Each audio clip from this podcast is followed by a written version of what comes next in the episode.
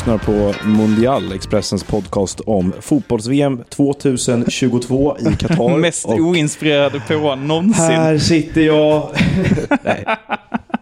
Nej, men du sa att det gick så bra sist. Jag hade mycket självförtroende när jag gick in i det. Ja, det hördes inte när du gjorde det, introt. Ja, men vi kan börja om då. Det, nej, nej, nej, nu kör vi. Okej. Det lät som du fick ett dödsbud när du läste det. Ja. Men nu är vi igång. Jag, jag här- kände mig själv att jag medan jag pratade så hade jag somnat med blicken. Ja. Det, var inget bra, det var inget bra tecken kanske. Nej, jag såg det på dig. Det här är Mundial, Expressens eh, VM-podd direkt från Qatar. Eh, med mig, Filip och Noah på andra sidan bordet med en handduk på huvudet som vanligt. Eh, och vi har precis varit på den andra semifinalen. Vi har fått se Frankrike gå till en andra raka eh, VM-final efter att ha slagit Marocko med 2-0. Vad är dina bestående intryck? Att det, var, att det fortfarande inte går att säga vad det är Frankrike gör så himla bra. Vilket är helt knäppt egentligen. Det, det, man ska väl egentligen enligt alla, liksom, enligt eh, förväntningarna är det väl att man ska börja med någon tokhyllning av Marocko nu och vara helt hänförd av dem. Men jag har alltid svårt att liksom dras med i lag som främst är bra på att försvara sig. Jag tycker att det är mycket lättare att dras med i lag som eh, spelar liksom modigare fotboll och eh, exponerar sig för mer risk än vad Marocko har gjort. De har ju egentligen stängt till hela vägen hit och varit fantastiskt bra på det. Jag inte ta ifrån dem någonting i deras prestation. Men jag har inte riktigt ryckts med i den här stora eh, Marocko-hänförelsen som många andra verkar ha gjort. Utan, Men är det för att du inte väljer glädjen i livet? Ja, men det är väl inte min... Jag är nog ingen sån här good vibes only-typ generellt. Så jag, jag har, det, det är inte min livsinställning riktigt. Eh, det är tråkigare än så. Men Frankrike är, är ju intressant. Alltså de, att de klarar av det här också då. De fick ju matchen precis dit de ville genom det här tidiga målet de gjorde mot, eh, mot Marocko. Theo Hernandez som konstsparkade in den. Sen är det ju så att de har en hel del marginaler med sig på vägen. De ger ju bort bollinnehavet till Marocko. Tycker jag var rätt smart. För att det har inte varit Marockos melodi hittills. Att låta Marocko driva matchen med bollen. Eh, och då får de ju problem och börjar begå misstag och så, så eh, använder Frankrike de misstagen till att skapa rätt mycket chanser för sig själva. Då. Eh, men i andra halvlek är de ju ganska illa ute, precis som de var en period mot Polen och precis som de var en lång period mot England och sådär. Så att de, de lever ju farligt Frankrike hela vägen. Och den, den stora frågan inför finalen är liksom kanske inte så mycket eh, ja, att det blir någon jämn match så, för det räknar man med att det blir. Men det är, min fråga är, vad är Frankrike bra på? Ja, alltså de är väl bra på att ha Kylian Mbappé. Ja, det, det, det är ju det, precis, det, är det enkla svaret. Ja. Eh, och, det, och det är sjukt att det liksom räcker. För att match efter match så ser man inga linjer i spelet. Inga liksom, man förstår inte vad de vill ha för typ av matchbild. Utan de liksom, hela tiden, det har jag varit inne på det många gånger nu, men att de, de tar dagen som den kommer hela tiden. Och det är väldigt ovanligt att det funkar. Men det var väl så också när man spelade fotboll när man var yngre, det har ju både du och jag gjort Noah, och då fanns det ju vissa lag i liksom ens närområde som var svindåliga, men som hade en riktigt bra kille. Ja. Och det är lite så Frankrike känns just nu. Det fanns en kille som senare spelade bland annat i HFs A-lag någon säsong tror jag. Han blev eh, proffs både i Danmark och Island. Eh, Lukas Olander. Han, han var en sån kille när jag var yngre som, som sköt, alltså han sköt som en häst. Folk Ja. var ju rädda för honom för att han sköt så hårt. Och han spelade i ett lag som var rätt okej, men det var han det pratades om hela tiden. Och han är ju liksom Kylian Mbappé. Frankrike är ju ett, ett rätt kast lag med en riktigt bra X-faktor. Skillnaden är ju att de har världsklasspelare på alla positioner.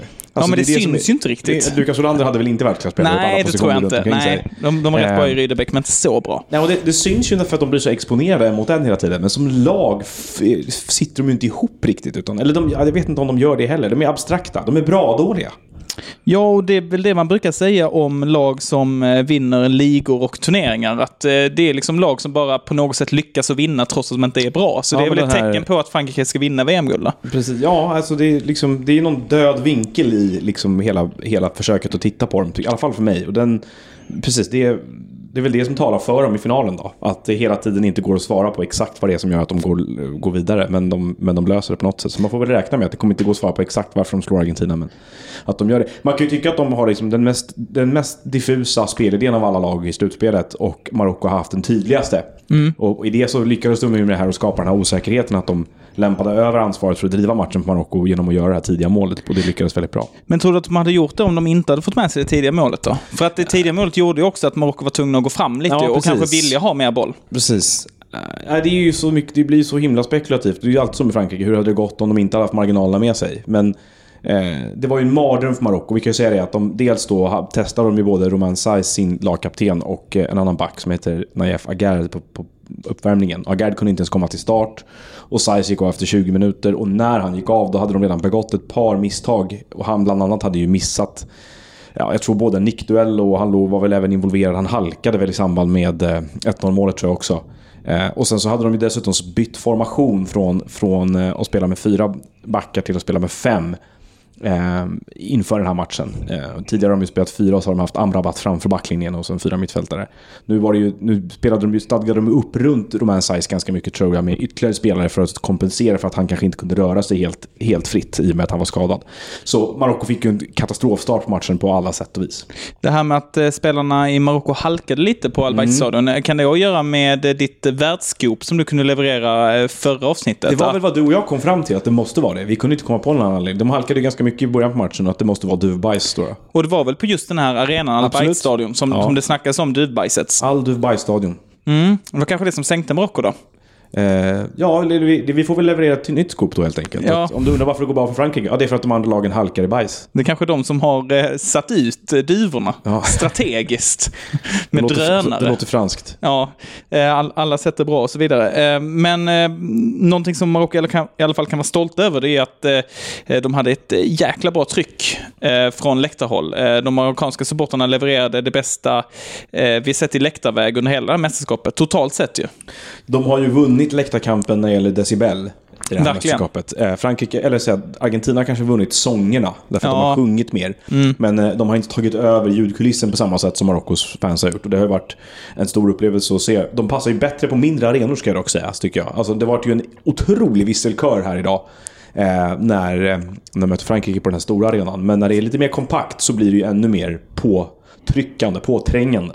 Ja, och ju större matcherna blir i VM, desto fler biljetter har ju redan gått åt åt diverse eh, fotbollsresor där folk betalar dyra pengar, VIP-paket och sponsorer och så vidare också, vilket gör att det blir liksom mindre och mindre plats för eh, riktiga supportrar ju större matcherna blir. Å andra sidan då så eh, såg man ju till att sätta in extra flyg från Marocko till Doha för att fylla arenan idag.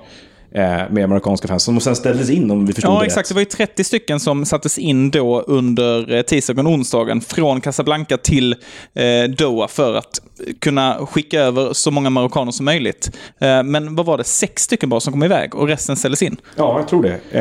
Eh, sex eller sju kom iväg tror jag. Eh, och så resten. Det, en, en otroligt konstig grej till med det här är ju att liksom, intrycket man har av alla rapporter som kommer från Marocko, även härifrån, är ju att det har landat, ja, det har landat mellan 50 och 100 000 marockaner här. Minst. Och ändå var det liksom delar av läktaren som var tom idag. Ja, det, jag, jag fattar inte heller det där. Och, inte. och samtidigt också som det kom eh, rapporter inför matchen att det var återigen eh, biljettkaos utanför arenan där det fanns folk som eh, hade fått beskedet att det skulle finnas biljetter till salu, eh, åker, i vissa fall då hela vägen från Marocko eller andra delar av världen till Qatar med förhoppningen att det ska finnas biljetter för det har de fått höra och sen när de kommer fram så visar det sig att nej, det finns inga biljetter alls. Eh, så att ja, den, den här biljettsoppan fortsätter i eh, Qatar och jag tycker såklart väldigt synd om de här supportrarna som har rest så långt. Eh, det kan man komma ihåg hemma i Sverige när man blir lite sur över ett spårfel eller lite löv på spåren. att ni hade kunnat vara marockanska fotbollssupportrar som, nu som kanske, blir vill... av med era flygbiljetter till VM-semifinalen och får stanna i Casablanca. Jag ställer mig inte bakom det här att man ska börja ge SJ en enklare resa bara för att det är synd om marockanska fotbollssupportrar. De måste skärpa sig också. Och jag är av eh, åsikten att det alltid finns grader i helvetet. Ja, så är det. Eh, en annan grej som vi tänkte på här var ju också att den här inramningen som de bjöd på de marockanska supportrarna, den kvävdes ju väldigt effektivt av Fifa. Ja, jag fattar inte vad Fifa håller på med. Jag Eller arrangören är det väl kanske. Det är väl kanske snarare arrangörskommittén som ligger ja, bakom det här men eh, vi, vi samlar alla under samma paraply här tycker jag. Mm. Uh, nej men det, det som är grejen är ju att uh, de marockanska supportrarna är ju väldigt många till antalet och är väldigt högljudda innan matchen. Och det är ju ett perfekt tillfälle att, att bygga upp stämningen inför en uh, match som är landets största genom alla tider. De har aldrig varit i en VM-semifinal innan. Men arrangörerna vågar liksom inte riktigt lita på att eh, publiken själva ska fixa eh, stämning och förväntan inför den här stora fotbollsmatchen. Utan de brassar på med samma spellista. Alltså det är fyra låtar de går runt på i princip mm. ju. Det är ju Levels med Avicii. Mm. Det är ju eh, Love Me Again night. med Paul Newman. I got a feeling heter den. I, I got a feeling har de också. Och och eh, Business med Tiesto. Det är ju de fyra de går runt på. Men vilken är den här? I'm blue da da boda? Den Ja, men de det är också. ju... Exakt. Det Det är en remix av den. ja, exakt. De har ju gjort en eh, remake av den. Det är ju David Guetta och någon tjej som sjunger som jag inte riktigt koll på. Men ja, det är väl fem låtar de går runt på och trycker på högsta volym istället för att låta fansen sjunga. Och Nej, det är- dödar ju allt. Ja, det är väldigt märkligt eh, att, att de kör den grejen.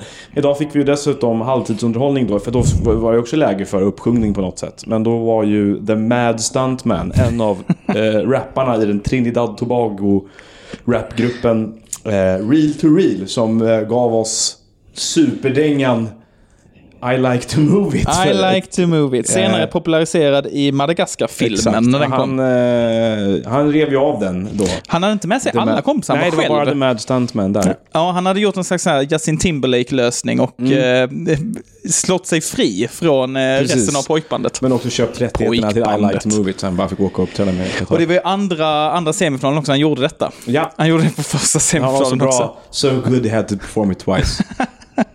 Så vi går in på eh, första semifinalen också, för den måste vi också ta hem ju. Eh, det precis. faktum att Argentina är klara för eh, VM-final och vann eh, ja, till slut tämligen enkelt Ja. mot eh, Kroatien. ja, och det var ju en mycket mer enkelspårig historia. Vi ska säga att Marocko kom ju väldigt nära och pressade Frankrike väldigt mycket. Det var en väldigt jämn match. Argentina-Kroatien var en väldigt ojämn match. Eh, Kroatien hade egentligen ja, inte någonting förutom eh, lite bollinnehav innan Argentina gjorde 1-0. Men det var ju aldrig snack egentligen i den matchen tyckte jag. Kanske också att man då, att det blev lite tydligt att Kroatien, som vi var inne på tidigare också, har haft en hel del, en hel del marginaler med sig, en hel del tur under den här turneringen. Att de borde ha förlorat mot Brasilien, de borde ha åkt ut i gruppspelet för de borde ha förlorat mot Belgien. Ehm, de var oerhört nära att göra det mot Japan, där de faktiskt var det sämre laget i åttondelsfinalen. Så att, att de hade tagit sig till semifinal kanske inte var någon jättetydlig reflektion av deras förmåga. Och det blev ju tydligt när de mötte Argentina tyckte jag. Ja, precis. Och eh, det är ju eh, säkerligen jubel på samtliga Fifa och Qatar och PSG-kontor världen över efter att det nu är klart att Kylian Mbappé och Lionel Messi kommer mötas i final på söndag. Paris Saint-Germain mot Paris Saint-Germain. Alltså Qatar Grattis Paris Saint-Germain till VM-guldet. investeringsfond mot Qatars statliga investeringsfond. Ja, det var ju eh, förmodligen eh, drömmen de närde, kan man ju tänka sig. Vi la ju märke till det intressanta här inför eh, Marocko mot Frankrike, att de hade ju förlängt den här eld och fyrverkerishowen som de inledde varje match med också. Ja, att det var exakt. På, på extra tal mycket. då om att liksom eh, verkligen brassa på för att säkerställa att det ska bli god stämning. Precis. Eh, Så, så det var ju fler och längre och även någon sorts ljusshow som i alla fall inte jag kände igen. Som Nej. var, liksom, de hade lagt på den. För, för den som har missat då så har de ju på nästan alla matcher rullat in en gigantisk uppblåsbar VM-pokal som kanske är, är den 10-15 meter hög? Ja, något sånt. Eh, och eh, trycker på precis innan eh, inmarschen så eh, släcker de ner hela arenan och bombar på. Alltså E-Type hade blivit grön i ansiktet av avund om han hade fått Ja. se pyrotekniken som bombas på kring Ja. den här pokalen. Det är något i hästväg. Och nu hade de ju gjort det upphöjt till 10. Ja, det kändes så i alla fall. Och då var man ju lite så här att, eh, ja men nu, det här tyckte de var någonting som verkligen var värt att fira. Och då kan man ju förstå då att från Qatars perspektiv att det var stort att Marocko var i semifinal. Men också att den kanske viktigaste frontfiguren för deras projekt i Paris då, Kylian Mbappé, skulle spela. Eh, och att han och Messi då, som ju båda två är värvade av deras, eh, den statligt ägda fotbollsklubben Paris Saint-Germain, eh, möts i VM-final. Det blir ju liksom som en sorts, som ett smycke för, för Qatars sportswashing-projekt får man säga. Välkommen till Coolbet där spänningen aldrig tar slut och underhållningen står i centrum. Här får du inte bara Sveriges bästa fotbollsodds, du får också en spel...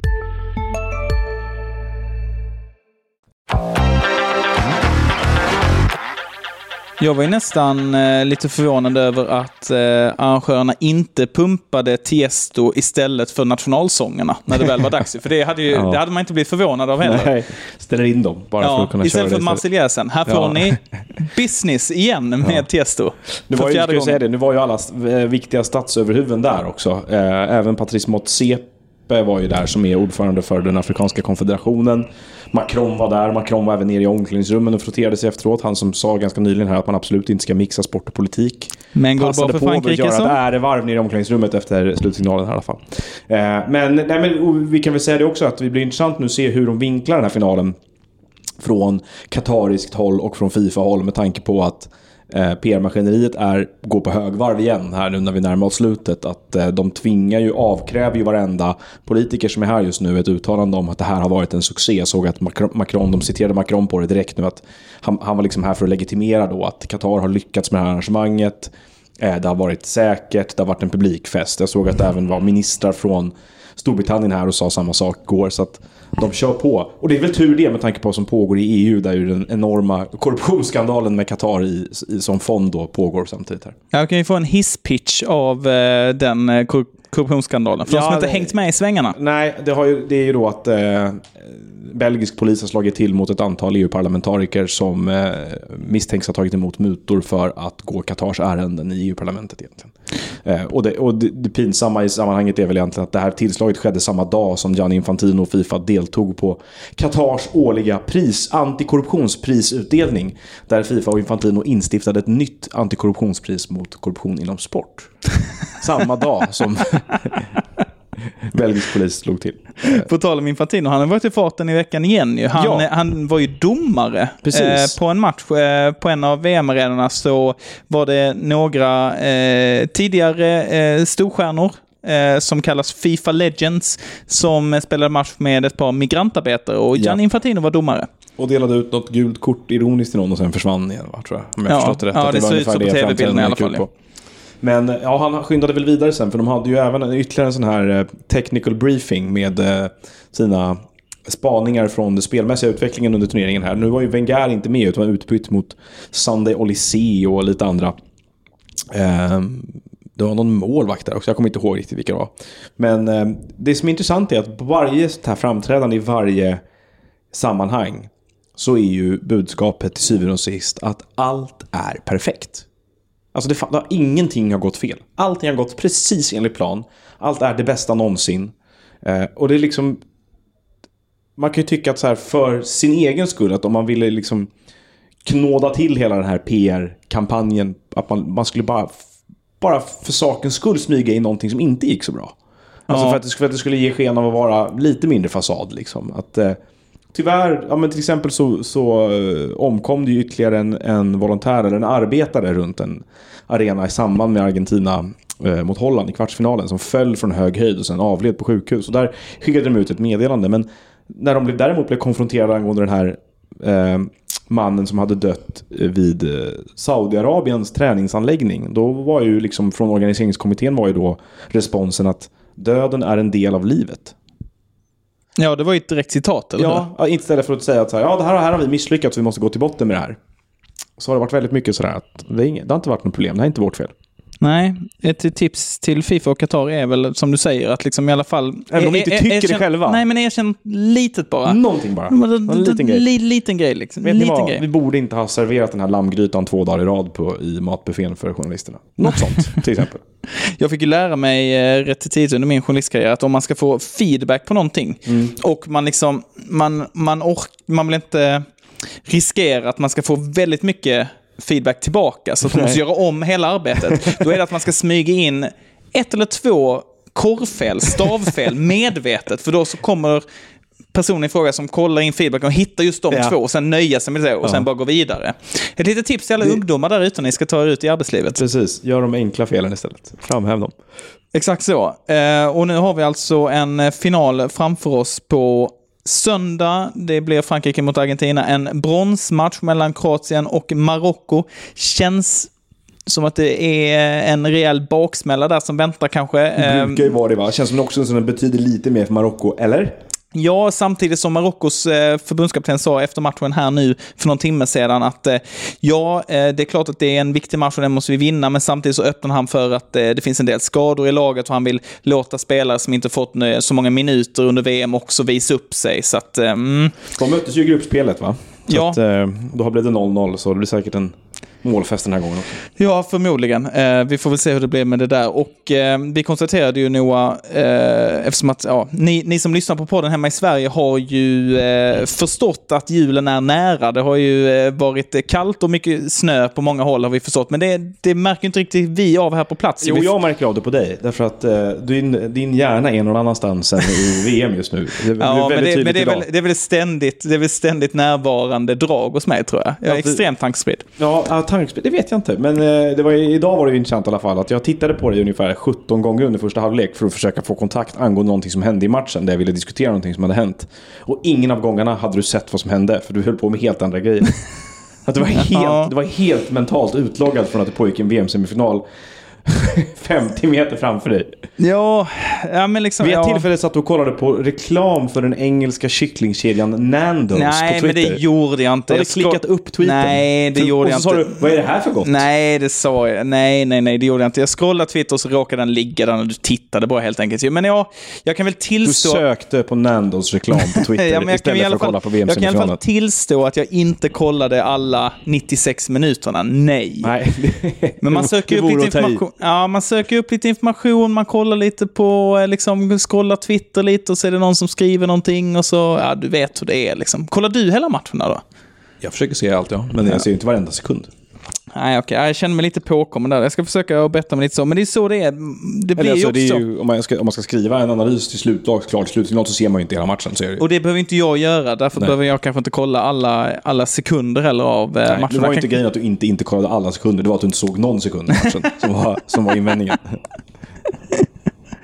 Det blir ju också så efter ett långt mästerskap, alltså det märker, det märker ju vi båda två tror jag, att man eh, i slutet av detta VM är liksom... Eh, man är ju redan så full av så mycket intryck att det ska till mycket för att man ska bli imponerad.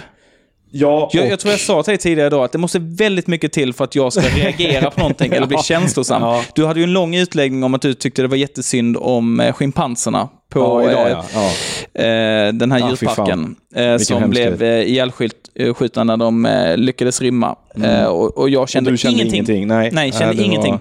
För att jag, jag har inte känslor kvar längre. Jag har gjort av med alla mina känslor de här veckorna. Jag har Ja. känt mycket i början av det här mästerskapet.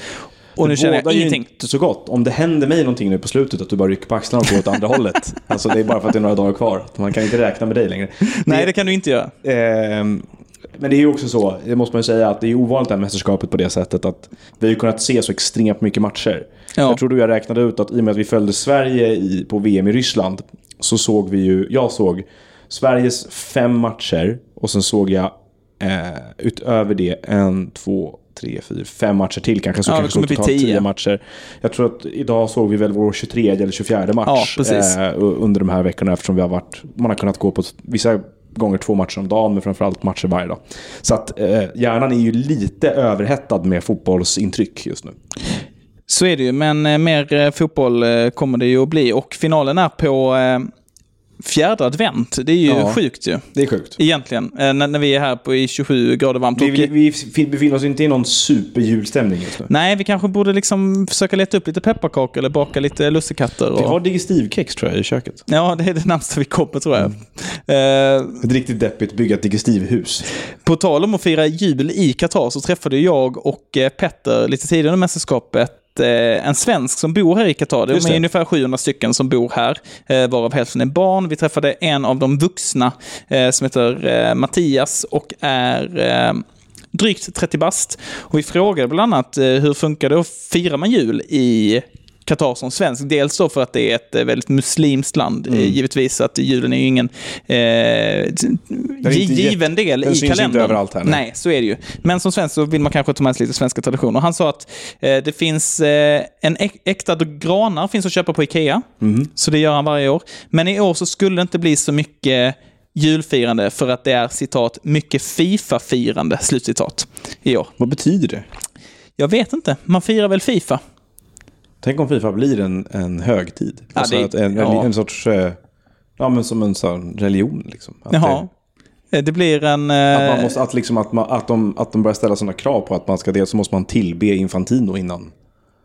Det känns som att det kanske är ett krav redan i vissa medlemsländer, redan kanske i och för sig. Ja, dansa runt den där uppblåsbara pokalen innan, innan matcherna börjar.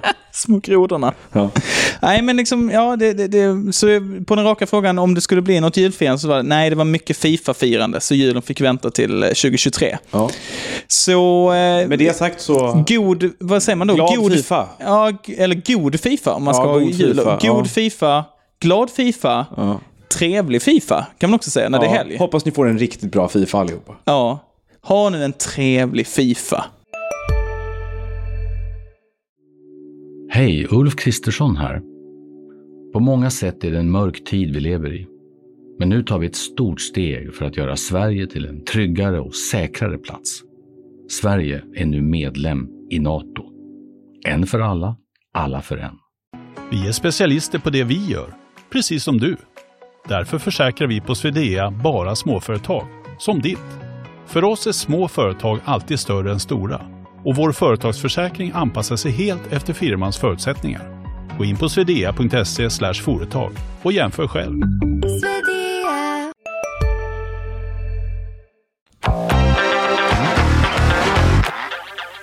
Men en sista grej bara innan vi säger eh, glad Fifa till oss båda och till er som lyssnar. Så måste vi kolla hur det ser ut i eh, Det Kopparberg. låter ju som att vi tar farväl av den här podden. Det gör vi inte. Utan Nej, det gör vi, nej, det gör vi verkligen inte. Vi kommer ha det två mål. avsnitt till. Vi kör eh, på lördag igen inför eh, brons och finalmatcherna. och sedan så kör vi det stora summerande avsnittet på måndag morgon, givetvis efter finalen också. Så herregud, det är inte över än. Men vi måste ju kika eh, hur det ser ut i eh, Kopparbett och vår liga där.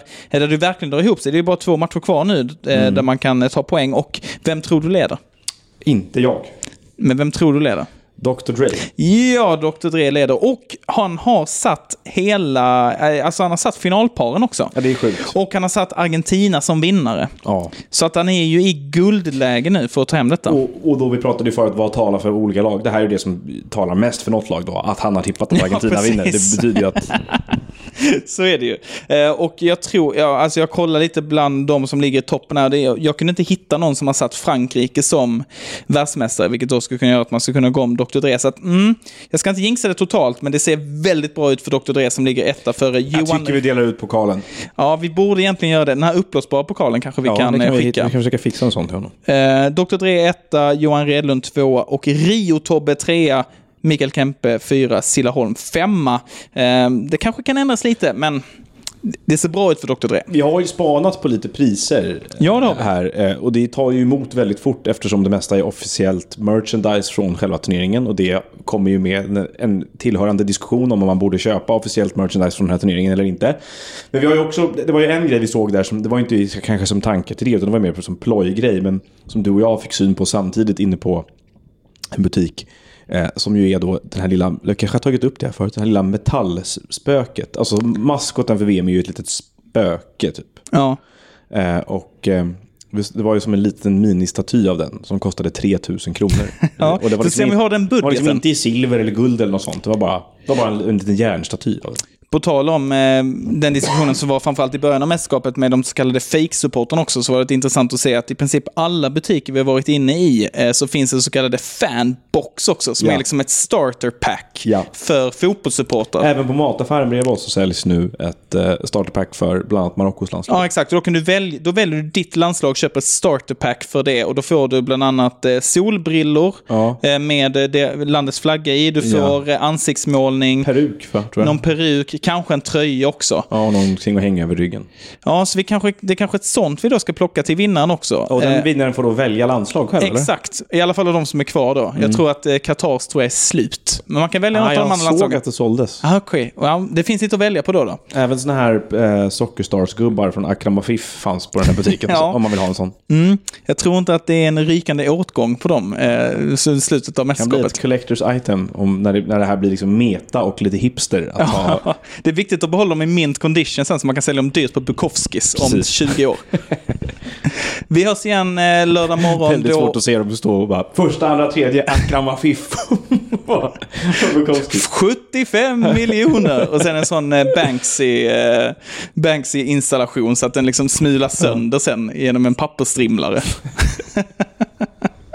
vi hörs igen på lördag, då snackar vi upp de två sista matcherna i detta VM. Hej! Och god Fifa!